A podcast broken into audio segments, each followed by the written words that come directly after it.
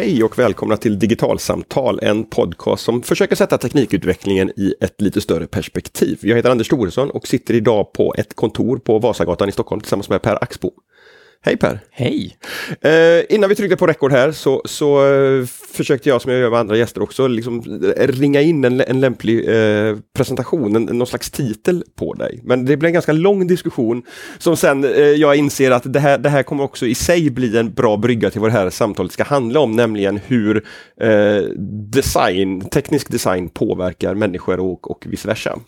Så kan, kan inte du berätta vad du svarade när jag frågade hur, hur förpackar jag dig i en titel? Då sa du nämligen? Då sa jag att jag klarar inte av titlar, eller jag gillar inte titlar, därför att det som händer då är att vi sätter en etikett som människor har förutfattade meningar om vad det betyder och plötsligt så blir vi väldigt begränsade i vad vi tror att den personen kan och känner och vill.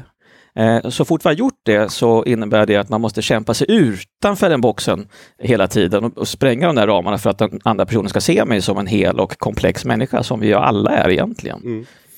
Men du landade ändå någonstans i att datornörd var, var liksom ändå ett, ett, ett, epitet som du känner dig hemma i. Jag klarar av datornörd, för det är jag oavsett vad jag jobbar med. Mm. Uh, för jag har alltid varit så otroligt intresserad av teknik, ända sedan barnsben. Jag fick min första dator när jag var åtta år bara, 1982.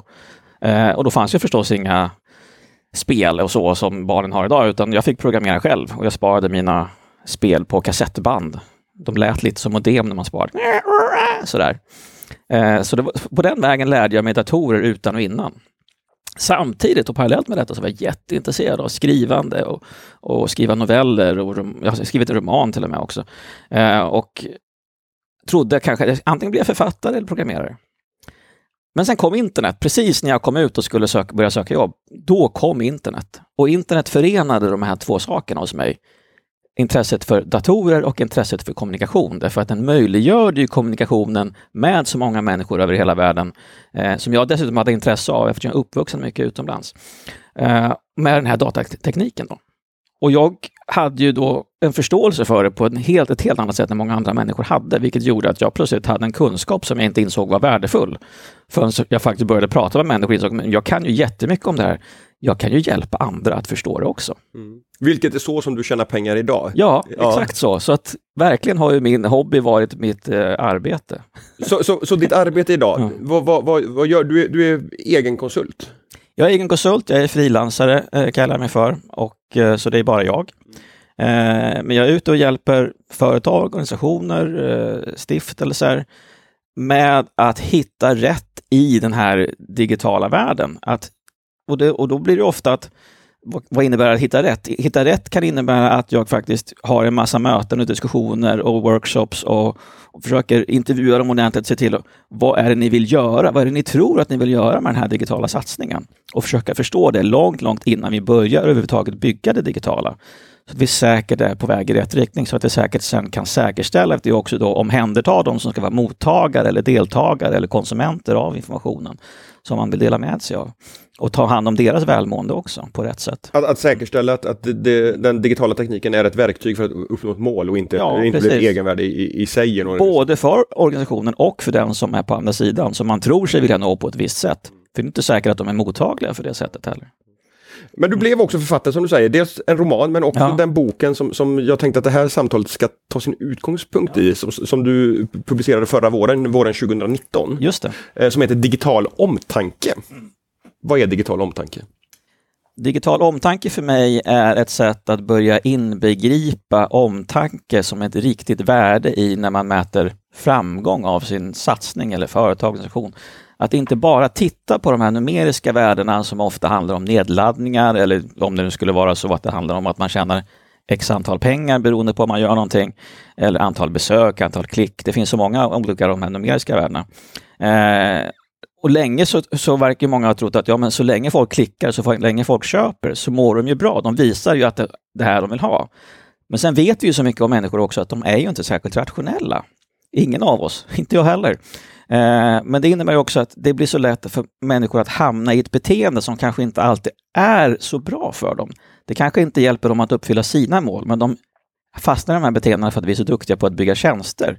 Och det är där, i den världen jag har verkat, i designvärlden, det vi har lärt oss otroligt mycket de senaste 20 åren om eh, neuropsykologi och förstå hur hjärnan och, och beteenden och hur vanor skapas. Och så använder man det för att styra människor i en viss riktning istället för att tala om för människor att du har de här svagheterna och hjälpa dem att tänka efter istället så att de själva kan få avgöra är det här någonting som gynnar mina egna personliga mål eller inte? Det låter som du bland annat pratar om nudging här. Eh, Jag pratar bland annat om nudging. Eh, jag har ju varit på Almedalsveckan några gånger och det är mång, ofta man hör föreläsningar där från byråer om pratar om nudging och hur det kan förändra människors beteenden. Jag är ju lite motståndare till den typen av eh, sätt att se på människor, att vi ska bestämma hur andra ska bete sig eh, ur perspektivet att vi vet vad som är bäst och därför ska vi se till att de eh, nudgas då, eller knuffas, som jag kallar det i min bok för, eh, i en viss riktning. För det man ofta glömmer, för det låter så fluffigt och härligt och vi tänker oss att ja, men det är klart att vi ska knuffa människor i en viss riktning och så blir världen mycket gulligare och så når vi den här utopin på något sätt av att människor beter sig på det sätt som är det rätt.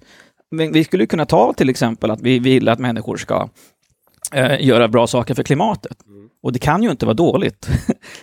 Därför att det är ju bra för klimatet och så knuffar man människor i en viss riktning för att det, vi skulle få, kunna få alla att äta vegetariskt.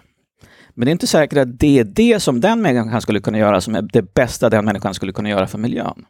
Men i och med att vi, i med att vi lägger all vår energi på att människorna ska äta vegetariskt, jag är vegetarian själv så det är ett bra exempel, eh, så tar vi bort deras möjligheter att fundera över alternativa sätt för dem att hjälpa till att ja, bekämpa de här miljöproblemen som vi har idag. Så att jag tror att vi, och det kopplar bort, tillbaka lite till det här jag menar på hur vi ser på människor, att vi måste se människor som komplexa varelser. Vi kan inte styra alla i samma riktning, utan vi måste börja öppna upp och ge dem möjligheter och se till att de faktiskt kan få styra lite mer själva. Men blir inte det eh, i sådana fall ett, ett, ett, val i sig? Att vi ska inte ha en, en tydlig riktning utan vi ska erbjuda eh, liksom någon slags liksom smörgåsbord eller vi ska liksom försöka sätta ja-knappen i samma färg och storlek som, som nej-knappen och verkligen låta folk välja, ja. välja själva. Det, det, det blir också mm. en, en nudging på sitt sätt, ja. tänker jag. Grejen är att vi är så duktiga på att ta bort motstånd. Mm. Eh, minska friktion. Och det var lite så jag kom in i den här, jag började prata om etik eh, inom design, var att vi, vi pratar så mycket om att vi tar bort alla barriärer, alla motstånd, vi gör det så enkelt som möjligt för människor att göra vissa uppgifter. Som ditt, ditt exempel med knapparna här. vi gör stora fina knappar, eh, vi förminskar den jobbiga texten, därför att den kommer de ändå inte läsa och det, börjar de göra det så kanske de inte trycker på knappen. Eh, så att allting är ju designat på ett sätt som gör att vi tar oss igenom olika användarflöden på ett så effektivt sätt som möjligt. Eh, så det innebär ju att vi har tagit bort friktionen och när vi har, vi har ju ofta system idag som innebär gasa, bromsa, skriv, radera. Men i designvärlden så har vi ingen broms längre.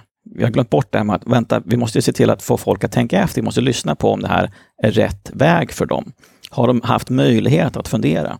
Så för mig är det inte att jag måste erbjuda smörgåsbordet, det är att i min lösning som jag har, där jag vill att folk ska bli vegetarianer då, som vi fastnar i det exemplet, så måste jag ändå erbjuda tillräckligt mycket information för att folk ska få säga nej.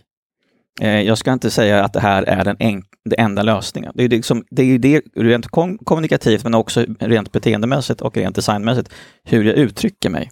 Att våga se människan som människa. Men också låter det som då att våga bygga ett, ett ett eh, tjänsteflöde eller ett interaktionsflöde som, som inte går ut på att få, liksom, i, få den nya kunden eller den befintliga mm. användaren igenom flödet så fort som möjligt. Utan, utan, att faktiskt, som du säger, bygga in lite, lite friktion och tid till, till eftertanke och kontentation. Liksom. Och många tjänster idag, de vill ju bara ha din e-postadress och ditt namn mm. och så är du medlem. Mm. Och plötsligt har du då en väldig massa medlemmar, vilket kan se fint ut på pappret när du ska äska pengar eller vad du nu ska göra med din startup. Eh, men ju längre tiden går, desto mer pengar kostar ju varje medlem också. Några kanske är missnöjda för att man sålde in tjänsten på fel sätt. Några behöver mer support än andra. Eh, så det är ju någonting som gynnas av friktion också, att man faktiskt får användare som är bättre informerade, eh, bättre förståelse för tjänsten, hur den funkar, som kan vara ett bättre stöd för andra medlemmar och deltagare på tjänsten. Så att det finns ju ekonomiska fördelar, det vill jag också få in i det här, man, det finns ekonomiska fördelar med att göra på det här sättet också. Eh, och ju mer vi lär människor att det finns andra sätt att göra det på, desto mer, bättre krav kommer de kunna ställa på andra tjänster. Mm. Lär människor, säger du. Vilka personer är det som behöver lära sig någonting om det här? Är, är, det, är det de som utvecklar, är det de som beställer, är det de som använder tjänsterna? Eller på vem ligger liksom någon slags ansvar att, att ja. förstå det här som du resonerar kring? Det är en jättebra fråga, för ansvaret ligger ju på så otroligt många olika ställen. Eh, i, om jag tänker det här systemtänkandet. Menar, politiker, de som eh, reglerar och sätter riktlinjer för hur företag får bete, bete sig. Ägarna har självklart ett ansvar, de som kom på affärsidén de som bygger tjänsten, sen har vi aktivister åt andra sidan som ser de här problemen och försöker uppmärksamma folk på det. Konsumenterna har ju självklart också ett visst ansvar i att försöka informera sig själva så mycket som möjligt. Eh, det som är så intressant i den här digitala världen är att det gick så väldigt snabbt. Antalet beslut vi tar per dag idag är så enormt många fler än det var för 20 år sedan.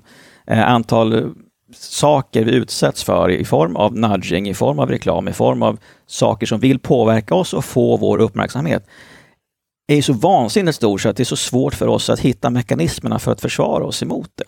Och det är väl mer att jag, i min värld, i och med att jag kommer från designvärlden, så vill jag hjälpa de som bygger tjänster att bli bättre på att upptäcka de här sakerna innan det är för sent. Mm. Uh, innan folk far illa. För det är ju mycket diskussioner idag. Väldigt mycket handlar om sociala medier och liknande.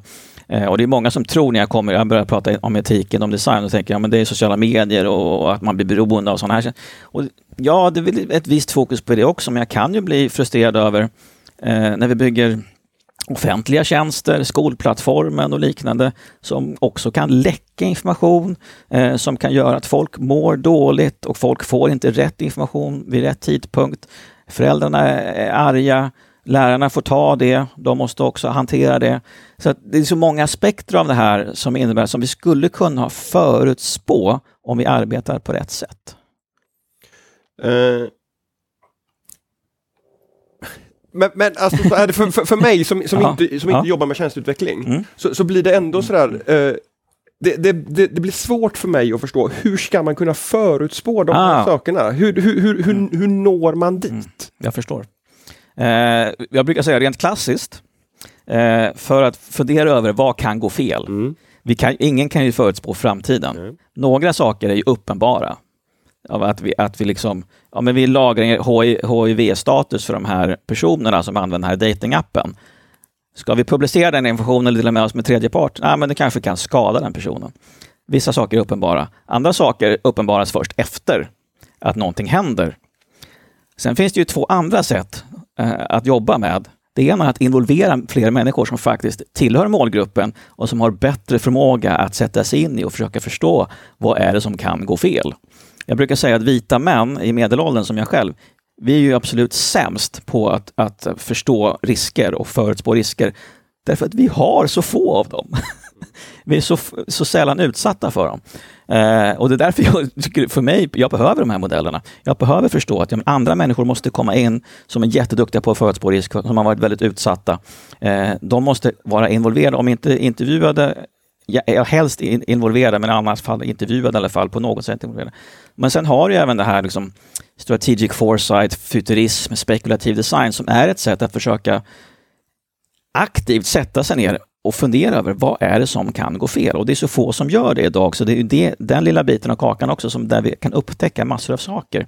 vi funderar över vad är de olika potentiella utfallen av det här? Vad är möjliga utfall? utfall? Vad är sannolika utfall? Men vad är också önskade utfall? Så att vi ser att, ja, men, och det handlar inte om att förutspå framtiden då, utan det handlar om att förbereda sig på möjliga framtida utfall så att man kan börja hantera dem. Och då, I de här aktiviteterna som jag gör mycket då, både med företag ute på konferenser och workshop, så upptäcker jag just det. Bara jag börjar fundera över hur människor skulle kunna fara illa över det här, så kommer jag ju på massa saker. Och då börjar det komma top of mind. Och så börjar, ja, men det skulle jag ju kunna bara med en ganska liten enkel designlösning rätta till. Bara hur jag uttrycker mig kring kön och sådana saker. Nu börjar vi prata om det så upptäcker vi det och så kan vi se till att det inte händer. Och, och ofta är det eh, minoritetsgrupper eller andra som, som, som hamnar i, i liksom skottgluggen eller på så här, men, men det är ja. ju inte ett medvetet val utan, utan äh, som, som, för du, du, du har en modell, äh, ett, ett pandaansikte, ett, ja, panda, precis. ett, ett, ett, ett pandahuvud ja. som, som innefattar, äh, jag, jag får länka till det för det här går inte att beskriva i, så, så tydligt i, i, i, radio och i podd, men, men, men, men där, där, man har båda användare som man är de tänkta användarna mm. och sen har du användare som du inte vill ha ja. och sen har du användare som är tänkta men som ändå har problem. Alltså det, det finns så, alltså användare är inte liksom en, en typ av människa utan det finns bland annat då massa olika aspekter hos, hos de som faktiskt kommer använda den tjänsten. Det finns de som är exkluderade och det låter ju kanske konstigt också där man säger att ja, men det finns de som inte vill ha. Eftersom vi pratar så mycket om inkludering i det här sammanhanget också. Men det finns ju absolut vissa tjänster för barn där vi inte vill ha vuxna inblandade. Finns, och tvärtom, vi har tjänster för vuxna där vi vill inte vill ha barn inblandade, för att ta det enkla exemplet. Vi har också tjänster där vi inte vill att folk ska komma in och trakassera andra. Så det finns ju alltid den aspekten av att vi måste definiera vem vi inte vill ha i tjänsten också, för att skydda dem vi vill ha i tjänsten. Mm. Så det, ja, precis, det finns jättemånga aspekter av det här och ha, börjar man ha de här små modellerna, små verktygen, eh, ägna sig lite åt spekulativ design så kan vi upptäcka enorma mängder av saker som vi tidigare inte ens har värderat. Därför vi har inte mätt dem, vi har inte försökt se dem. Men i och med att de här rapporterna kommer så mycket kring hur folk, män, människor far illa, så inser man att vi måste börja arbeta lite annorlunda för att agil utveckling, eh, design thinking i all sin ära. Men det är ju så vi har jobbat de senaste 20 åren och det har inte förhindrat problemen. Vi behöver fler verktyg i verktygslådan. Och det är det jag försöker erbjuda. Jag försöker bli väldigt konkret i boken med att det här är sätt du kan jobba på. Vad, vad är spekulativ design? Du, du, har nämnt det begreppet två gånger, det är ja. för mig. Mm. spekulativ design handlar egentligen eh, om just det jag var inne på, att försöka förutspå alternativa möjliga framtida eh, effekter av det du gör. Vill, för det är det som är intressant med design. Här har vi ett problem som vi utgår ifrån. Eh, I design finns det ju alltid nästan ett oändligt antal sätt att lösa det problemet på. Vilket ska vi välja? Och då blir det ofta det som kräver minst resurser och som ger störst effekt. Men effekten är då baserad på vad företaget eller organisationen vill. Men vi skulle också kunna titta på, men vad kostar ganska lite resurser, ger inte lika stor effekt, men där också människor mår bra. Så jag är inte ute efter att minimera liksom hur mycket pengar man kan tjäna. Jag tror fort, men jag är lite emot det här att vi bara ser vinstmaximering som ett mål när vi tittar på de här olika eventuella framtiderna. Vi måste då få in välmående som en effekt också. Så spekulativ design handlar egentligen om att när vi befinner oss, om vi tittar fem, eh, fem år i framtiden, hur ska det funka då? Och vilka problem skulle vi kunna ha skapat då för våra användare, för icke-användare, för samhället, för miljön och sådana saker. Så att vi tänker lite större än, än oss själva och den liksom, lösning vi har byggt. Mm. Eh, hur, mycket, hur mycket av de här problemen uppstår eh, för att man har för bråttom att lansera en tjänst eller för, för, för bråttom att, att Eh, liksom positionera sig gentemot en konkurrent om man befinner sig på, liksom, på, i, på, liksom, i, i, i, näringslivet och därför liksom inte ger sig tid att tänka på de här aspekterna? Har du någon liksom... Ja, jag tror att det spelar jättemycket. Mm. Ont om tid.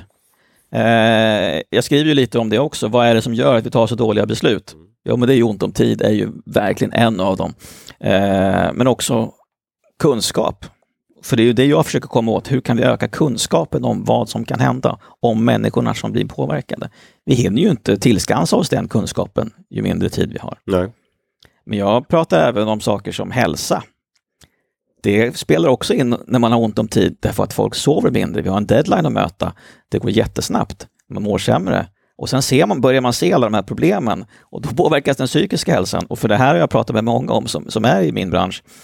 Att många ser problemen men vågar inte ta upp det med sina företag för de är ju fortfarande inne på att vi ska ju maximera antalet klick fortfarande. Eh, men, och mår allt sämre. Och jag ser, det här är ju typisk källa till utbrändhet, att folk inser att ja, men mina värderingar och företagets mål kanske krockar lite här. Hur skulle vi kunna få dem att mötas på ett bättre sätt? Och jag försöker då ge människor också verktyg för att hur ska jag kunna ta upp det här i de team jag jobbar med, med företaget jag jobbar med. Jag tror att när man jobbar med design så har man också möjlighet att visualisera de här, de här problemen på ett annat sätt och kanske hjälpa till och förtydliga. För jag tror inte att någon egentligen vill göra illa. Det tror jag verkligen inte heller. Men jag tror att man kan synliggöra det som händer när människor får illa på ett bättre sätt också. Du, du, du har varit inne eh, ett, ett, par gånger på, på det här att, att man mäter idag på, på, på klick eller nedladdningar, antal nya medlemmar och så vidare. Hur, hur mycket skulle gå att komma till rätta här tror du med att, att införa nya mätetal, nya, nya liksom måttstockar som, som, som inkluderar andra aspekter i ja, men så här, omtanke? Liksom. Hur, ja. hur mäter man det? Ja, och det här det, det, blir så svårt för många för vi älskar ju grafer och vi älskar att se saker över tid och vi vill gärna ha siffror. Eh, mäter vi, mäter vi välmående med siffror, då kan vi ju riskera att hamna i samma problembild igen.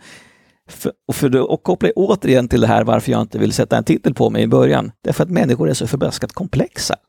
Eh, så försöker vi sätta en siffra så kommer vi nöja oss med siffran. Vi kommer inte försöka leta efter effekter som vi inte såg. Det här som vi, som, jag, som vi också var inne på, sånt som vi kanske inte upptäcker oftast förrän efter vi har lanserat och inser att ja, just det, det här hände, ja men då måste vi fixa det. Eh, det är mycket billigare att fixa det innan också. Det är också därför jag var inne på att jag hjälper företagen att komma så långt de möjligen kan innan de överhuvudtaget börjar skriva en enda kodrad. Just det. Uh, var, var, varför, varför är det viktigt, den processen att, att liksom här, komma långt innan man faktiskt börjar utveckla? Det, är det så att man väl har satt sig och utvecklat, då är man liksom fastlåst i liksom en, en, en, en bild av vart, vart är vi på väg? Ja, det kanske kommer fram till att du inte ska utveckla något. Tänk om, tänk om du kom fram till det. Mm. Det har hänt mig en gång i ett uppdrag eh, och det är preskriberat nu, åt Vattenfall faktiskt på den tiden vi inte hade mätare av el på avstånd som vi har idag, utan eh, man var tvungen att skicka in personnummer på sig själv, mätarnummer på sig själv och där man flyttat, om, man skulle byta bostad, och bostaden man flyttat till, personnummer på den. Och sen insåg vi att den där processen var så jäkla komplex, så det är ingen idé vi bygger det där formuläret, för det är ingen som kommer att använda det. Okay. Mm. Så det kan ju hända att vi kommer fram till att vi inte ska bygga det som vi trodde att vi skulle bygga från början. Mm. Att man ska våga ifrågasätta problembilden. Det är, det är modigt av vissa, jag har, det är väldigt få gånger jag varit med om det, är väldigt modigt med, för, med företag som inser att, att vi kan lösa det på andra sätt. Mm. Uh, jag funderar också på, liksom så här, uh, du, du, har ägnat dig åt det här i, i typ 20 års tid. Ja. Um, hur har det blivit mer komplext och svårare att visa digital omtanke i takt med att digitaliseringen har, och de digitala verktygen har blivit mycket mer komplexa. För du, du hade, när du föreläste på internetdagarna i höstas, eh, så använde du ett exempel där som jag också har skrivit om, nämligen datingappar som, som visar hur långt ifrån ja. min nuvarande position andra mm. användare av datingappen är. Mm. Och så är tanken då med att genom att bara ge ett, ett, ett avståndsmått men inte någon riktning så, så, så, så, är det ett sätt att, att på något sätt bygga in någon kittlande funktion i den men samtidigt kommer du inte kunna liksom avgöra var någonstans en person är. Men det var ett antal rätt tekniskt drivna personer som visade med hjälp av triangulering och de skapade till och med fejkade användare så att de samtidigt kunde sitta och triangulera från olika platser. Så kunde de ändå då komma på var någonstans en enskild användare fanns. Exakt. Och det här skapade då oro bland annat i hbtq communityn därför att det här var ett antal appar som, som riktade sig till liksom, den communityn. Och, och det här är ju sådär ja men i efterhand, mm. apropå det som, som du säger, så är det ju liksom fullkomligt uppenbart att mm. ja, det är klart att det går att göra det här. Men när du sitter där och är utvecklare och liksom inte liksom kanske kan alla de här sakerna. Du vet inte kanske hur du ska säkra systemet som var en, en del här, men du kanske inte heller förstår liksom vad triangulering överhuvudtaget är. Att om du har tre mätepunkter och avstånd mm. så, så, så, kommer de bara kunna mötas på ett enda ställe. Um, blir det svårare och svårare att visa digital omtanke eller blir det lättare och lättare? Det, ja, ja, och nej, det är väl som alltid. Det är, det är jättesvårt att svara på ur det perspektivet för att fler och fler blir medvetna om att det händer sådana här saker som du precis nu beskriver. Eh, därför blir det ett högre tryck på att företag ska göra någonting. Eh, men det är väldigt lätt för företag också att, att eh, anlita någon som är etiskt ansvarig på företaget. Och så pekar man och säger, men nu har vi anställt en etiskt ansvarig, så nu har vi inga problem längre. Ethics washing som vi då kallar det förstås. Eh, så att det handlar ju fortfarande om att hålla sig väldigt informerad om vad de här företagen håller på med. Men jag tror att ju fler exempel på eh, Datainspektionen hade ju det här med skolan i Skellefteå som hade ansiktsigenkänning för närvaro nyligen. Ju fler sådana exempel vi får, desto fler kommer bli medvetna om problembilderna för det är ju det det handlar om hela tiden. för mig har det här, handlar det här om att jag vill inte stoppa utvecklingen, men jag kanske vill att vi ska få med oss mer människor på tåget. Och för att kunna göra det så måste vi i alla fall bromsa in farten och se till att folk får förstå vad som händer. Jag kan till exempel ha varit, jag gillar ju Swish, eh, jag gillar BankID, men jag är väldigt förvånad över att det inte har stått folk ute i samhället, på biblioteken, i butikerna och hjälpt människor att installera det här. För vi har nu skapat en barriär mellan de som har det och inte har det. Eh, och jag ser likadana saker hända med hur man betalar för parkering idag. Att det är många människor som tidigare kunde betala för parkering, som var vuxna människor, som hade den kompetensen, kan inte göra det längre. Eh, och det är att ta ifrån dem någonting, det är att ta ifrån ett visst människovärde. Eh, och det motsätter jag mig starkt när vi gör på det sättet, att vi liksom bara glömmer bort en jättestor mängd människor och säger att Nej, men, nu får du lära dig något nytt, för nu kan du inte göra det här längre. Och det är ju någonting som ja. jag hör från, från bibliotek, att de ja. har blivit en slags allmän helpdesk. Det har jag hört också. Det, det, där, mm. där, just de här användarna som du mm. pratar om, de har ingen annanstans att vända sig. De går till biblioteken för att få hjälp att komma igång med Swish och sitt mobila BankID mm. och, och, och, så vidare. Exakt. Um, du, du, in, inbyggt, eller så en förutsättning för, för, för liksom, din uppmaning att visa digital omtänke ligger ett, ett långsammare tempo. Mm. Uh, mm. I, I någon mening, därför att du, du har en längre liksom, mm. förprojektfas mm. för, och kanske liksom kommer fram till att vi ska inte bygga det här, vi ska bygga någonting annat eller vi ska göra ett långsammare flöde som gör att vi inte får lika många och så vidare. Uh, hur, hur möts de här tankarna liksom bland, bland liksom, i din omvärld, hos dina kunder eller på konferenser du är och så vidare. Hur, hur mycket pratar man om de här sakerna? Hur många, hur många liksom börjar tänka de här banorna? Hur ensam känner du dig? Liksom?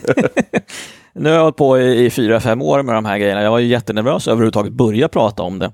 Eh, för jag trodde jag skulle få väldigt mycket backlash, även från designbranschen. Jag skulle, vi måste lägga till friktion, vilket var helt motsägelsefullt mot vad vi hade lärt oss allihopa.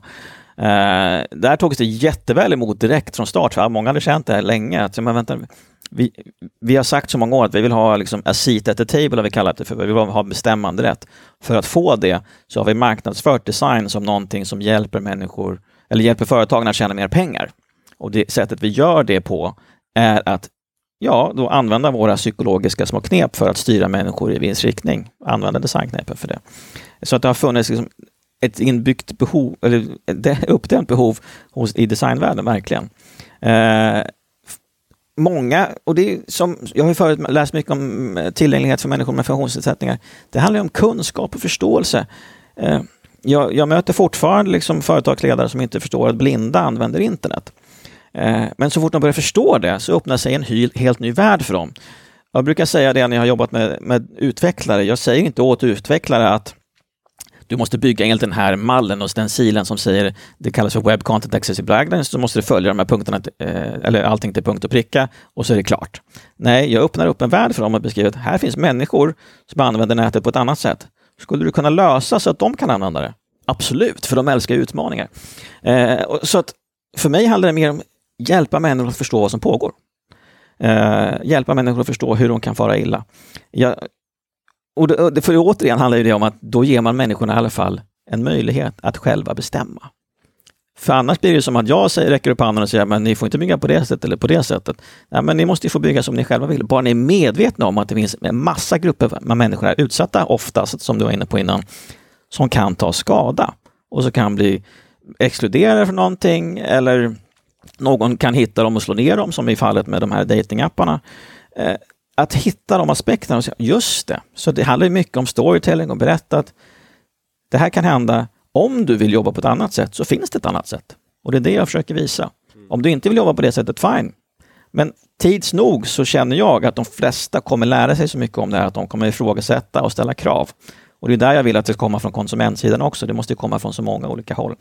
För, det, för det, visst, nu får vi GDPR, eh, dataskyddsförordningen och webbdirektivet och grejer.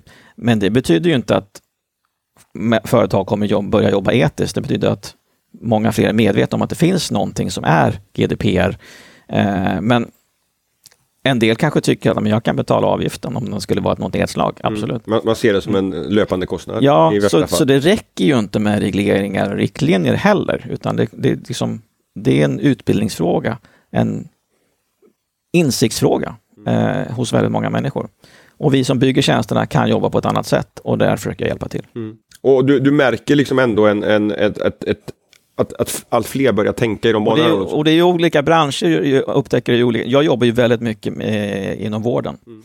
Och där är man ju mycket mer medveten om och vill göra rätt. Eh, så även om det då finns där, man ska ha- nationella medicinska, medicinska informationssystem, man har CE-märkning och grejer. Men vad innebär det? Och det kan hjälpa dem att förstå också. Uh, för det, det där kan man vara rädd för, oh, måste vi göra det där? För, att- och det låter ju jättekomplicerat, vilket det inte behöver vara. Det är för att vi kan jobba med omtanke. Vi kan se till att vi börjar, för, för där, är, det, där gör man ju riskanalyser. Där försöker vi också fundera över vad kan det innebära om den här eh, tjänsten vi har för beteendeterapi över nätet, om informationen inte kommer fram till invånaren, om det skulle kunna innebära suicid. Oj, skulle det kunna innebära det? Men hur ska vi liksom hitta mekanismer för att undvika sådana saker? Uh, så att det finns ju sätt att jobba, det, och vissa branscher har jobbat med det mycket längre än andra. Biståndsbranschen har ju haft på sig sedan 90-talet att behöva mäta upp, följa upp, ja, men vad blir effekten av det här biståndet? Tidigare gav man ju bara pengar, men nu är det liksom helt andra krav på att följa upp det. Och nu, de här kraven på att följa upp påverkan av insatser, eh, hur man påverkar samhället i stort, det blir ju allt större och växer till fler branscher. Men det tar ju olika lång tid beroende på hur branschen ser ut. Jag tror inom e-handel kommer det ta längre tid, till exempel. Mm. Där, därför att det handlar om, om ja, men så här, va- varför man finns till Mm. Ja. som, Ja, som, så. som organisation. Mm. Eh, som, som journalist så läser jag ju tidningar på ett sätt som inte någon som kanske är journalist gör. Man, man, man, hittar liksom de här knepen som redigerare använt eller missat. Ja. Hur, hur, hur är det att, liksom så här, att, att sitta med den kunskapsmassa som du har och installera en ny app eller börja Ja. installera, liksom så här, skriva upp sig på en ny tjänst och sådär. Vad, vad, vad, liksom så här, vad är saker som du ofta liksom så här, blir arg över eller liksom så här, funderar på i liksom, din egen användning av teknik? Det finns sådana här uppenbara grejer som har varit väldigt populära ett tag. Eh, På engelska kallas det för confirm shaming, bekräftelseskam. Eh, och man stöter på det oftast när man kanske kommer en pop-up-ruta som vill att du ska prenumerera på ett nyhetsbrev. Eh, och antingen prenumerera på ett nyhetsbrev eller så måste du klicka på en knapp. Och på den knappen så står det Nej, jag vill fortsätta vara okunnig, till exempel. Mm. Eh, och det vill jag ju inte. Så, men vad ska jag göra då? Jag vill ju inte prenumerera. Jag måste, så de tvingar mig aktivt att må dåligt över att jag måste trycka på en knapp som bekräftar för mig själv att jag skulle vara okunnig. Och det där är ju, det där är ju, men det är så uppenbart. Mm. Det finns ju väldigt många liksom, sätt man kan göra det här på mer subtilt. Eh, jag är ju en sån där som, när det är användarvillkor, jag kanske inte läser alla, alla användarvillkor, men jag klipper och klistrar för att se hur många ord den är på.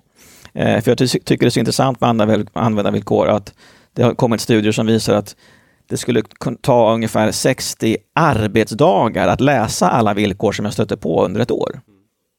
Företagen vet ju om att jag inte kommer läsa dem där. Sånt där gör mig ju vansinnig. Att vi måste hitta andra sätt att informera människor om vad som händer med deras information och vad vi vet om dem och vem, vem som får ta del av det. Hör du någon Mm, sån diskussion? Att, att, liksom, att, att driva liksom, användarvillkors liksom, visualiseringen? Det finns ju olika sådana initiativ runt om, eh, absolut, det gör det ju. Eh, Men jag har ju inte sett någon liksom riktigt konkret och bra lösning. Jag har ju själv föreslagit att om vi tar Facebook som exempel, när vi, när vi laddar upp vår första bild, om du har skapat ett nytt konto och laddar upp din första bild, Mm. har du godkänt användarvillkoren så kanske du vet om huruvida den sparar koordinaterna för bilden eller inte. Oavsett om den delas med andra användare så kanske Facebook sparar din ko- koordinaterna för din bild. Men det vet du ju inte om. Men i och med att du laddar upp den första gången, så i den användningen, det är då det blir aktuellt och intressant för mig att ha den informationen. Då skulle användarvillkoren kunna dyka upp det stycket bara där, så att det är kontextuellt istället. Så det, det finns ju sätt om man verkligen vill. Men återigen, det där lägger ju till friktion och det är många som inte gillar, för det skulle kunna innebära att de faktiskt inte laddar upp bilden. Ja, eller klickar ur den Ja, möjligheten. det. exakt. Mm. Ja, det är Ja, jättespännande. ja. Eh, Per, stort tack för ett jätteintressant samtal Ja, om toppen, digital tack. Det här var jättekul. Mm. Och till er som har lyssnat, vi hörs igen om en vecka. Hej så länge.